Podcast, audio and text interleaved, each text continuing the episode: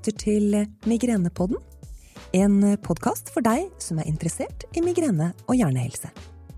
Mitt navn er Jana Middelfart Hoff, og sammen med nevrolog Andrej Kanevski skal vi møte noen av de klokeste ekspertene på feltet for å snakke om hvordan leve med migrene.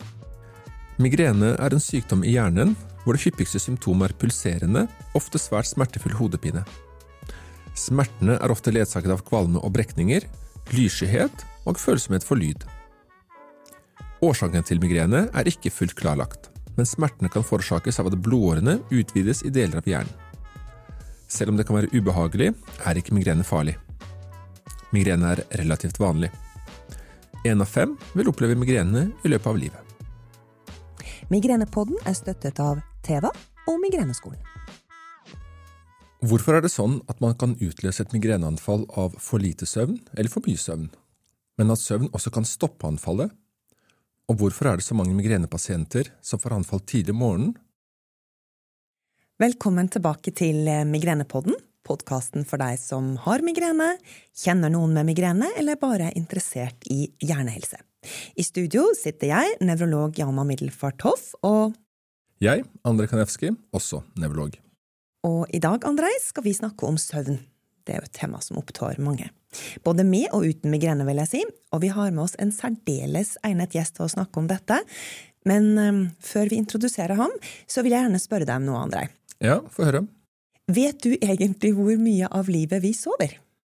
Nå har jeg litt for mange barn og masse nattevakter, så litt for lite i disse dager. Ifølge Norsk helseinformatikk i hvert fall, så brukes rundt en tredel av våre liv til å sove.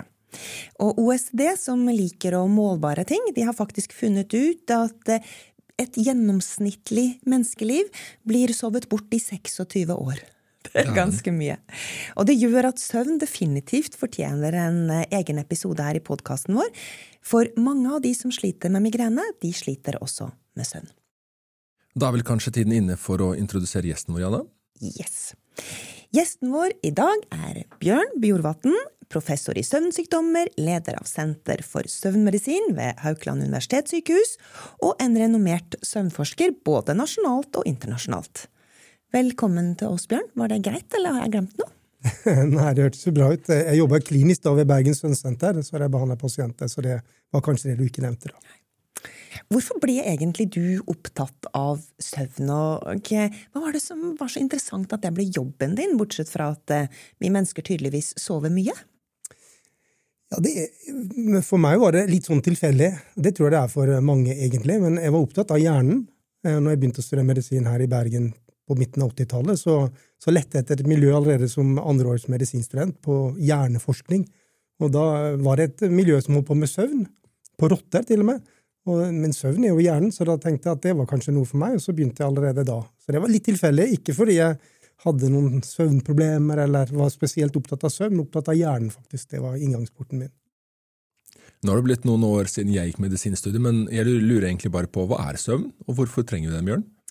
Ja, Det er et spørsmål jeg får veldig ofte fra journalister. Og som Jana nå sa, så tilbringer vi altså en tredjedel av livet vårt i sovende tilstand.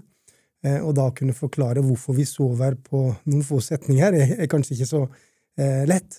Hvis vi tenker på den andre delen av livet, da, de to tredjedelene vi er våkne, så er det jo veldig få som spør om hva er våkenhet.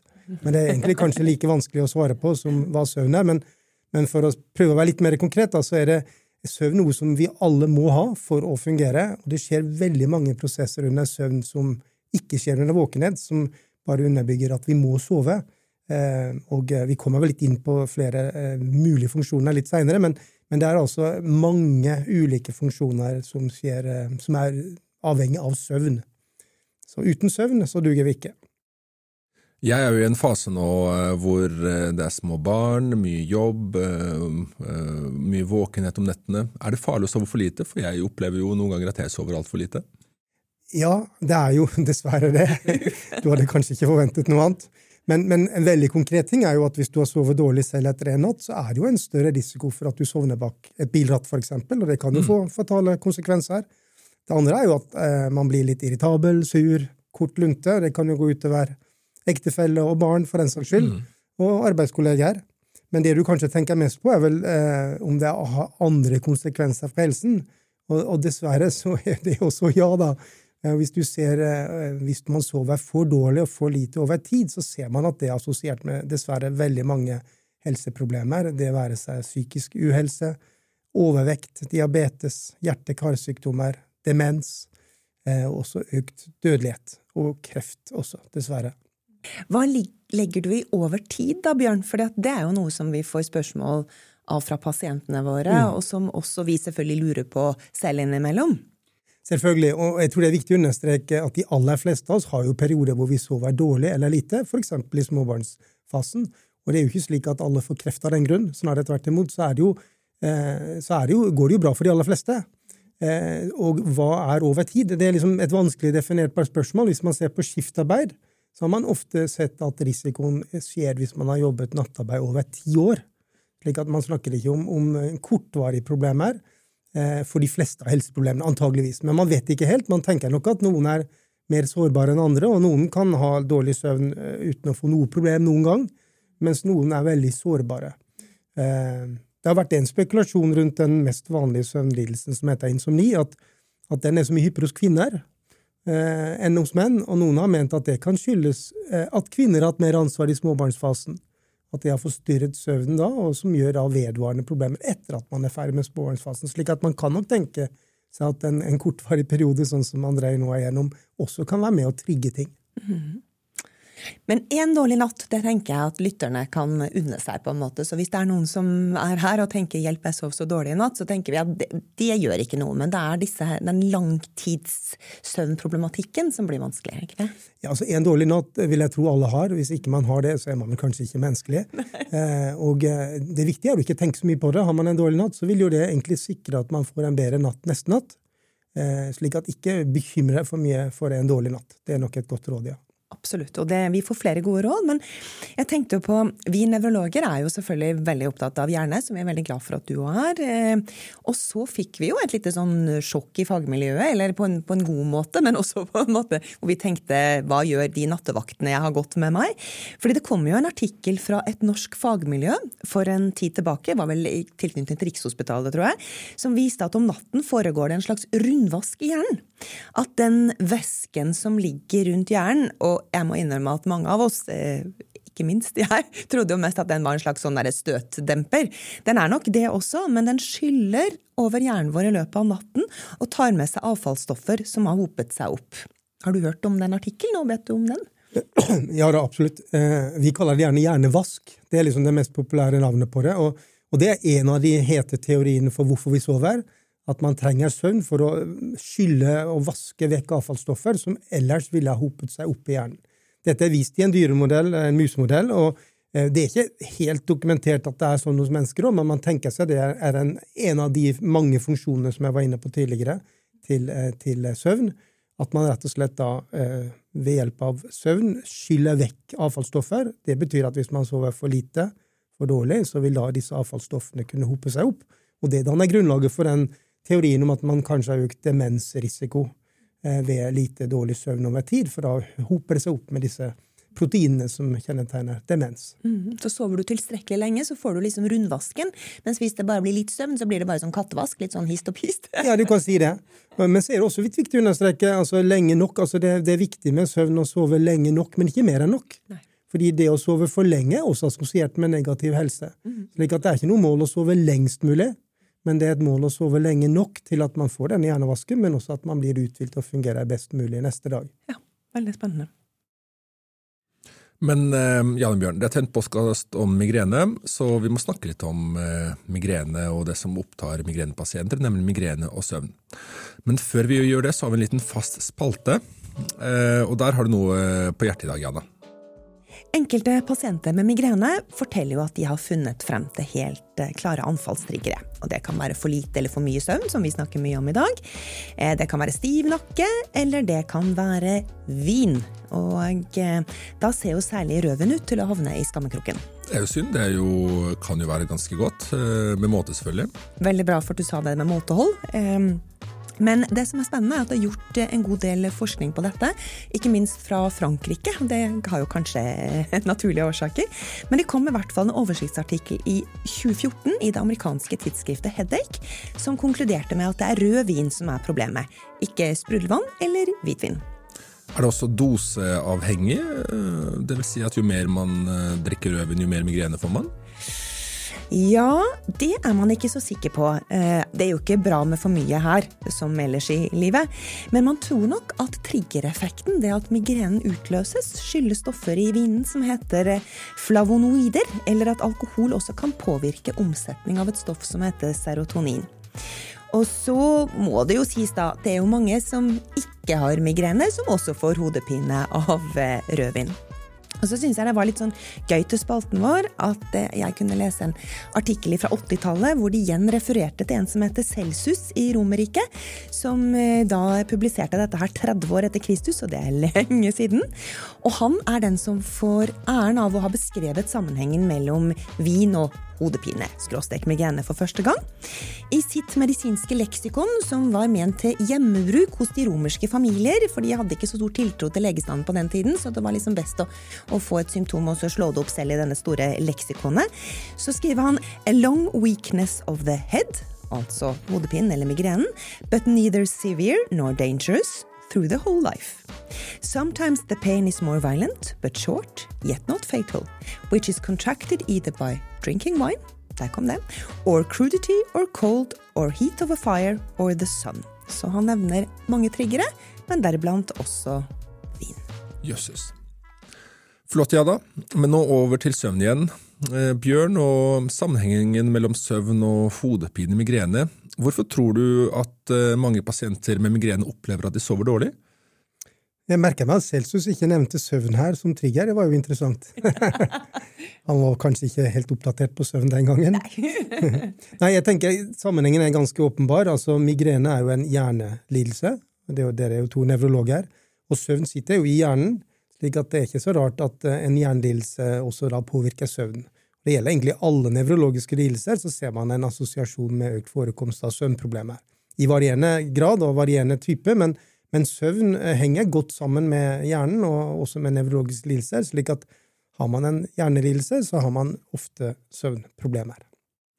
Man har jo også sett at uh, kanskje halvparten av migrenepasientene får migreneanfall gjerne tidlig om morgenen, og det er et tidspunkt som går igjen ca. mellom fire til ni uh, om morgenen. Og det har jo vært spekulert i en sammenheng med noe som heter rem, rem-søvn, altså den delen av søvnen der, der vi har gjerne drømmer, det er en sånn type søvn vi har mer av om morgenen. Stemmer det, Bjørn? Ja, rem-søvn er noe som kommer vanligvis hvert 90. minutt i løpet av nattesøvnen, men man har lengre og lengre rem-søvn på morgenkvisten. Og rem-søvn er litt sånn rart søvnstadie, for man mister liksom litt kontroll på det som heter det autonome nervesystemet. Det betyr at puls og blodtrykk svinger mye mer. Eh, reguleringen av eh, blodsirkulasjon også endres, og det kan jo være en kobling opp mot migrene, kanskje. Mm. Slik at det er mye rart som skjer under rem-søvn, som nok kan være en trigger for eh, migrene, at det passer nok inn det, selv om jeg er ikke sikker på om det er bevist eller, eller veletablert som en sannsynlighet. Men med rem-søvn er et spennende stadium, nettopp fordi de aller fleste av drømmene våre skjer der, men også et litt sånn utsatt stadium fordi man mister kontroll over så mange av de vanlige kroppslige funksjonene. Man har jo også spekulert i litt at uh, migrene også kan ha uh, med forstyrrelser i vår indre klokke å gjøre, som regulerer døgnrytmen. Vet du noe om det? Eh, jeg vet ikke så mye spesifikt om det, men jeg jobber jo mye med døgnrytmen. Og det er klart at døgnrytme og søvn henger jo veldig sammen. slik at eh, en stabil døgnrytme er jo viktig for god søvn. Eh, men det kan jo godt være det, at det er noe spesifikt rundt døgnrytmeklokken og migrene, uten at jeg har fått det med meg. Mange forteller jo også at de kan sove av seg et anfall, mm. eller at det å sove lite eller kanskje mye er en sikker anfallsutløser. Hvorfor det? Nei, altså Det er vel eh, det som man forsker litt på å forstå det, men det er vel en kjent sak eh, når man har eh, hodepine, at å legge seg ned i et mørkt rom og prøve å sove det vekk er en effektiv måte, og at lite søvn kan triggere også sterkt lys. Så, så hvorfor det er sånn, det, det, det, viser vel egentlig bare sammenhengen, at den er tydelig mellom det å sove lite dårlig eller mye og, migrene, altså det at det er noe med hjernen som skjer mm. under de to tilstandene. Men mer enn det vet jeg ikke spesifikt. Vi gir jo ofte som råd til migrenepasienter, og det er særlig de unge migrenepasientene som himler med øynene eller sukker når vi sier det, at når man har migrene, særlig hvis søvn er en kjent trigger, så bør man stå opp og legge seg til samme tidspunkt hver dag. Uansett hverdag eller helg. Tenker du at det er et greit råd? Det er et veldig viktig råd. Åpenbart. Mm. Kjenner du noen som har migrene og som har søvnproblemer? Har du opplevd det i din praksis, eller? Ja da, åpenbart. Eh, det kommer eh, absolutt pasienter med det. Og det som jeg er litt opptatt når det gjelder søvn, og også, også når det gjelder migrenepasienter, er at, at, det er viktig med god og grundig diagnostikk. Fordi søvnproblemer kan være så mangt. Det finnes over 50 ulike diagnoser, og de behandles da naturlig nok forskjellig siden det er ulike diagnoser. Mm. Og migrenepasienter kan ha flere ulike søvnlidelser. Det mest vanlige er gjerne insomni, mm. Eh, og det er det man tenker først på når man snakker om søvnproblemer. Og insomni står for dårlig, lite søvn. Eh, og de fleste migrenepasientene jeg har vært borti, har hatt det som problem, insomni. Og det gjør det egentlig litt vanskelig, for behandlingen av insomni, som, som går liksom litt på å regulere døgnrytmen, men også på en måte å øke søvntrykket ved å på en måte redusere tiden i sengen, kan da av og til utløse anfall, mm. som gjør at altså, migrenepasienter er litt vanskeligere å behandle, nettopp fordi vi er redd for at behandlingen vil kunne være en trigger for, problem, for migreneanfall. For du tenker da at å øke søvntrykket, så betyr det rett og slett at man ikke skal ligge søvnløs i sengen? Ja. Men at man skal heller reise seg opp eller noe sånt hvis man har ligget noen minutter eller viss, et visst antall tid, da, og så komme inn igjen når man er skikkelig trøtt og klarer å søvne, sove. Sånn at søvnen skjer i sengen, men våkenheten skjer et annet sted. Ja, Det er en behandling som heter kognitiv atferdsterapi for insomni, som er liksom standardbehandling av alle de med langvarig insomni som går litt på det Det er litt mer enn akkurat det du nevnte, men en veldig sånn strukturert behandling som, som da tar sikte på og, altså Mange med insomni de tilbringer veldig mange timer i sengen. Det gjør man jo gjerne hvis man har migrene òg, for man skal liksom hvile det av seg. Men det å ligge veldig mange timer i sengen da i våken tilstand uten å få det til, hvor man gjerne blir mer og mer frustrert, det skaper etter hvert en veldig negativ kobling mellom seng og søvn som, som man må bryte av ved hjelp av behandling. Mm -hmm. Men behandlingen, da, særlig innledningsvis i behandlingen, vil da kunne være litt sånn triggede på, triggede på, på migreneanfall. Mm -hmm. Det er ikke alltid det skjer. Eh, og målet med behandling er jo å få folk til å sove bedre, og da vil jo migrenen gå ned i forekomst. Slik at vi opplever jo ofte at vi har god effekt også, men, men innledningsvis så kan det være litt vanskelig for akkurat disse pasientene med migrener. Ja, det er veldig interessant. Hva med de som sover ut i helgene, har du noen gode råd til de? Ja, altså eh, Nå snakker du ikke om migrene generelt, men generelt Jo, jo altså de som får hodepine da gjerne av å på en måte sove lenge i, um, i helgene. Er det noen måte på at eh, Fordi en del opplever jo at uh, uken er hektisk, også at man må sove ut, men at det mm. også da kan trigge en hodepine. Eh, hvordan kan man løse det? Altså Når du spør en søvnekspert, sånn, så er det jo et, klart råd å prøve å få nok søvn hver dag hele uken, så at ikke behovet for å sove ut er så stort. For det er jo et tegn på at man da går på underskudd resten av ukedagene, og det er jo ikke heldig. Jeg nevnte jo risikofaktorer eh, tidligere. slik at det er et poeng å prøve å prioritere å få nok søvn, helst hver eneste dag. Og da vil ikke behovet for å sove ut i helgene være der. Eh, men det å hele tiden sove ut hver helg er jo ikke anbefalt ha en stabil døgnrytme. Jana var vel inne på det, og jeg bekrefter at det er et av de viktigste rådene for å beholde god søvn, er å ha en stabil døgnrytme. Ja, vi har jo snakket om eh, gode rutiner for migrenepasienter tidligere, med både ja. søvn, alkohol og kosthold og det som er, og søvnen kommer jo også veldig sterkt inn her, da. Mm. Ja, absolutt. Så hvis du da skulle gi våre lyttere tre søvnråd, Bjørn, hvis du liksom oppsummerer. Eh, hva ville det være? Ja, altså eh, Vi har jo gjerne litt flere enn de tre, da. Men hvis jeg skulle plukke tre, kanskje, da, så ville iallfall det med å ha en regelmessig døgnrytme, som har vært nevnt et par ganger, det er et veldig viktig råd. Et annet råd er jo å unngå da, ting som gjør en aktivert eller våken på kveldstid. Altså unngå koffein etter klokken 17, unngå å være på mobilen i sengen, som nå veldig veldig mange er. Det er veldig mange som gjør det. Eh, og alt det vil jo egentlig gjøre den våken, aktivere, altså unngå aktiverende ting om kvelden. Det var punkt to. Og det tredje kanskje skulle da være at man eh, unngår å ta alle bekymringer med seg til sengs. Mm -hmm. Det er jo lett at man har så hektisk dag at når man kommer under dynen, at man begynner å tenke på alle problemene på jobb eller med mhm. ekteskap og med barn og alt dette her. Og det gjør en jo bare våken og frustrert. At de bekymringene de må skje andre steder enn i sengen. Ja, akkurat. Det er et veldig godt poeng. Og hvis man da har eh, problemer med å sove, hvor skal man henvende seg hen? Og da snakker vi om langvarige problemer, eller problemer av en viss karakter. For som vi har snakket om, så er det ikke farlig med en natts dårlig søvn, og de fleste av oss, som du sa så godt, hvis de er mennesker, vil, vil antagelig ha det før en eksamen, eller før et eller annet spesielt som skal skje i ens liv, eller med små barn som er syke, eller et eller annet annet. Eh, men hvis man har det vedvarende over lengre tid, hvor, hvor, hvordan går man frem da for å få hjelp, rett og slett? Altså jeg tenker Det første og beste rådet er å ta det opp med fastlegen. Eh, det er liksom der man bør søke hjelp først.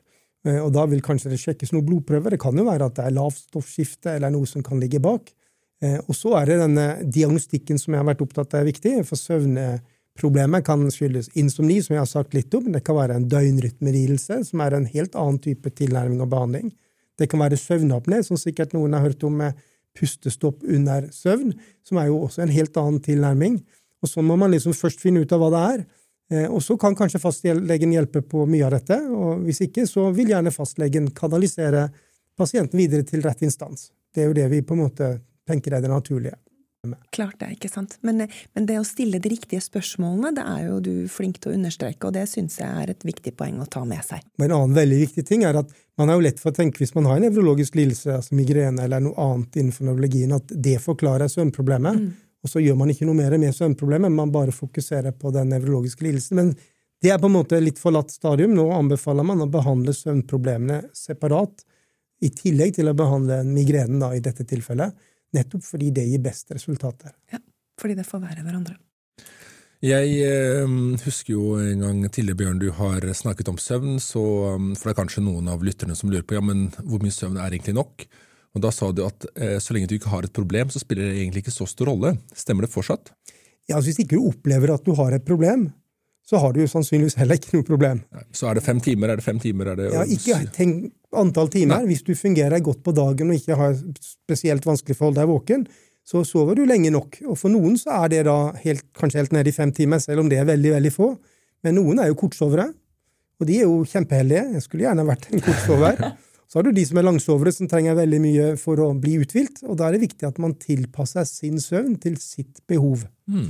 De aller fleste av oss ligger jo mellom seks og ni timer, så er, liksom, er, du utenfor seks til ni timer, så er du litt uvanlig, men det finnes eksempler på det, selvfølgelig. Så noen heldige får litt uh, færre av disse 26 årene i sengen, da? Åpenbart, sant. Ja. Og det kan jo være at det er litt urettferdig, egentlig. Men kanskje verden er slik at man alle har så og så mange år med våkenhet det er sånn vi bør telle ja. levealder istedenfor ja. å telle år. Men hvor mange timer man har totalt i løpet av et liv. Ja, det, er veldig, spennende. det er veldig spennende.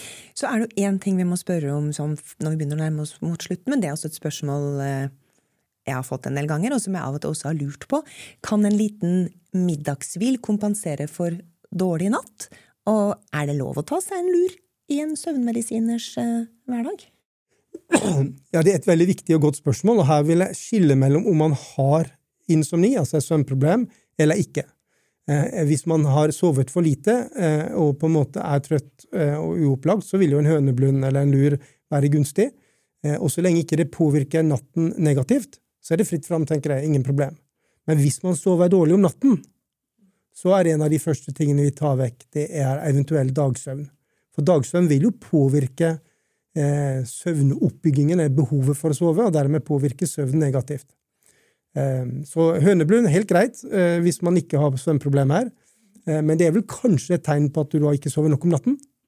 Eh, så det kanskje beste hadde vært å jobbe med det, men hvis ikke man har anledning til å sove nok om natten, så er det bedre å sove på dagen for å ta seg inn igjen. Men hvis det da går utover nattesøvnen, så bør du tenke nytt. Mm, veldig interessant, og kanskje ikke så lenge, sant? Less is more. Ja, altså under 20 minutter vil neppe påvirker nattsøvn noe særlig. Ja. Ja. Men kommer man opp i en time, så har nok mange erfaring at det da, da blir det vanskelig å sovne til kvelden. Ja, da gikk den natten, liksom. Strålende. André, vi nærmer oss eh, slutten. Hva er det viktigste du har tatt med deg i dag? Nei, det er vel rutiner. Eh, finn ditt søvnbehov og vedlikehold gjennom hele uken. Det er vel det som er viktig, spesielt for migrenepasienter. Jeg er helt enig. Og ikke ta krangel på kveldstid, syns jeg også var et godt poeng. Det var et veldig godt poeng. ja, få seg lys, og, og, at rutiner egentlig kan høres kjedelig ut, men er bra for oss, også med søvn.